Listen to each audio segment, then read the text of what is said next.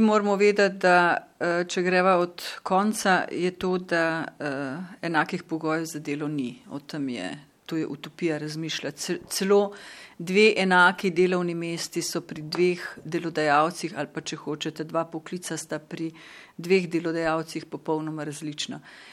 Država seveda skuša to urejati z različnimi akti ali zakoni, če hočete, recimo zakon o varnosti in zdravju pri delu, vendar opažamo, da so pogoji popolnoma drugačni. Druga zadeva je, da grejo stvari celo tako daleč, da je take it or leave it, veste, se pravi, sprejmi tako, kot je, ali pa pusti. recimo v zadnjem času imamo zelo veliko pritožb delavcev, da jim določena snov, s katero delajo, škoduje, da to sami čutijo. In naše prvo navodilo je, naj delodajalca vprašajo, to kot primer samo pravim, naj delodajalca vprašajo za varnostni list, da se iz to je po zakonu zahteva, ki jo mora delodajalec imeti. In odgovor ljudi je: "Ne se bojim vprašati, ker drugače bom odpuščen." Torej, že tule se vidi, da če ljudje in večina ne ve, s čim dela, kako naj se potem sploh zaščiti.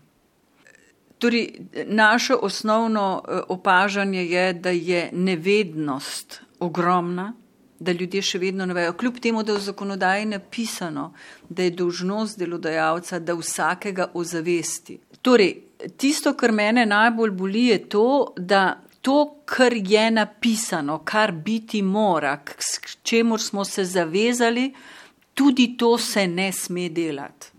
Če se morda vrneva še bolj na začetek, na stadij, ko je morda pravica do svobodne izbire poklica pravzaprav že obsojena tudi na svobodo njegovega spreminjanja, poklica torej, ne.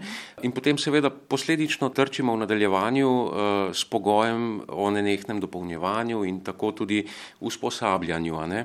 Ta pravica marsikomu od delavcev ni zagotovljena. Ja, poglejte, jaz se absolutno strinjam s tem, da mi moramo imeti prožne poklice. V smislu, da mogoče nas naše šole vzgajajo v preveliki rigidnosti, da smo samo to pa da znamo samo to delati. glede na trg dela je jasno, da se moramo neprestano doizobraževati, biti prožnejši, da sprejmemo tudi delo, ki ni mogoče najboljše, ampak se za to usposobimo, ni najboljše za nas, ampak se doizobrazimo, usposobimo in tako naprej. Vendar to nam mora biti omogočeno. In, in spet prihajam na tisto, kar sem prej rekla, ti ne moreš človeku samo ukazovati, namreč vi morate nekaj vedeti, ko gledate evropske raziskave, ki vključujejo tudi Slovence, je pri nas glavni problem ta, da imamo mi, doživljamo slovenski delavec kot to, da delamo z veliko intenziteto, da smo zelo pridni in zelo veliko delamo, ampak da v tem našem delu nič ne odločamo sami. Se pravi, da je avtonomija naša pri delu nična in to delavci povejo. Oni čakajo navodila, kdo bo kaj rekel, kako smem narediti in česa ne.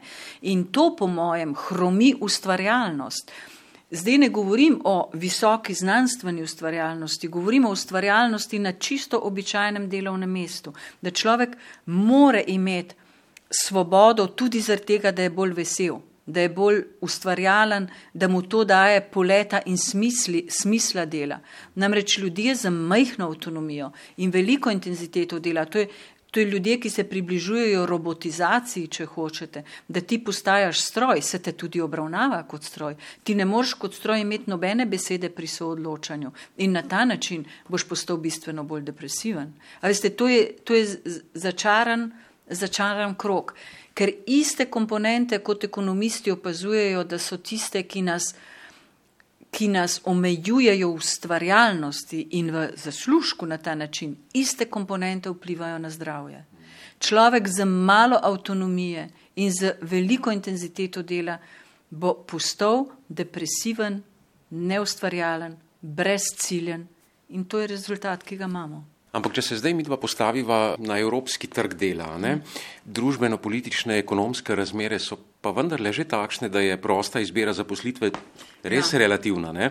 Omejena je namreč že številnimi uh, pravnimi instituti.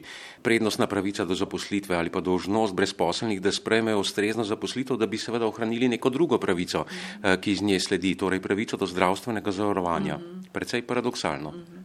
Sveda je to, par, eh, gledajte, ta prosti trg veliko stvari odpira. Ne? Po eni strani odpira to, kar smo mi posebej delali in nas, eh, nas v bistvu je hudo za Slovenijo. Fino je, da so odprta vrata in da ljudje odidejo, ko, ko si tule ne izberejo delovnega mesta, ko ga ne najdejo, da preprosto grejo. Problem je, da grejo običajno najbolj uh, najsposobnejši ljudje. Ni problem, da grejo. Problem je, da se ne vračajo. Vračanje ni potrebno, da je narejeno tako, da se zavedno vračaš, ampak vračaš pa lahko svoje projekte, svoj um, svoje znanje, ki si ga dobil. To je en del tega, kar ste rekli, odprtih vrat.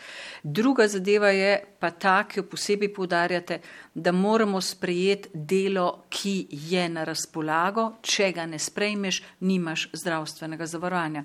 Tule neha svoboda, o kateri govorimo. Torej, Tukaj, ampak spet je problem širši. Poglejte, kako mi lahko v šoli ustvarjamo, v, recimo v fakultetah.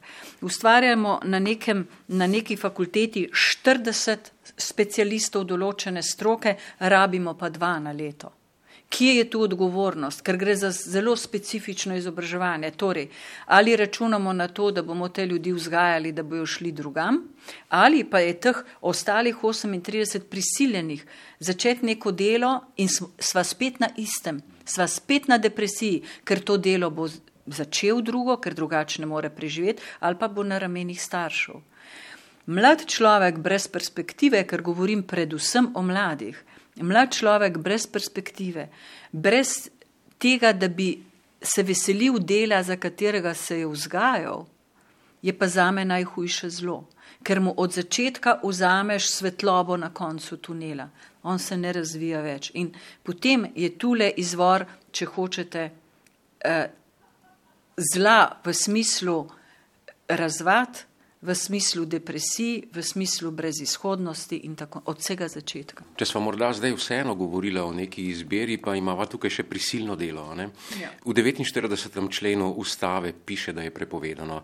Eh, pogosto pa danes seveda govorimo o številnih pojavnostih takšnega dela, brez da bi na to ustavno pravico pravzaprav uh, sploh pomislili. Kaj šele na dostojanstvo? Ja prisilno delo, veste, zdaj je spet definicija prisilnega dela. Zame je prisilno delo tudi prekarno delo. E, namreč naenkrat, če se spomnite, smo dobili eno ogromno skupino ljudi, ki so bili nekje zaposleni v nekem podjetju za nedoločen čas in so morali odpreti svoj SP in nadaljevali svoje delo z popolnoma drugo funkcijo, s funkcijo SP-ja.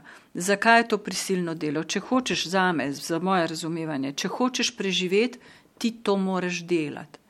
Če zboliš, ne smeš v bolniško, zato ker bo tvoje mesto nadomestil nekdo drugi.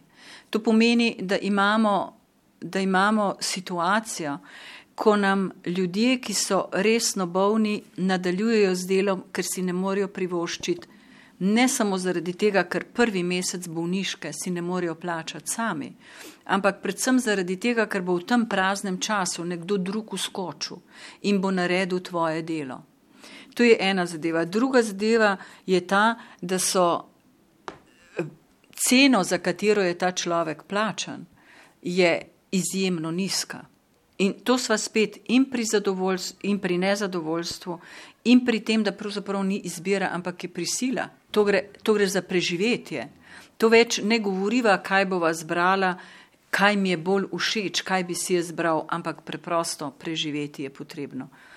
Ob tem, da ne računamo na to, da se ta človek tudi stara, kar pomeni, da ali ob resni bolezni, ali pa ob začetku starosti naenkrat ugotovi, da nima nobene podlage in ne bo imel za svojo upokojitev. Morda za konec zgolj splošno vprašanje, kdaj se bomo približali tem pravicam, ki so z ustavo določene.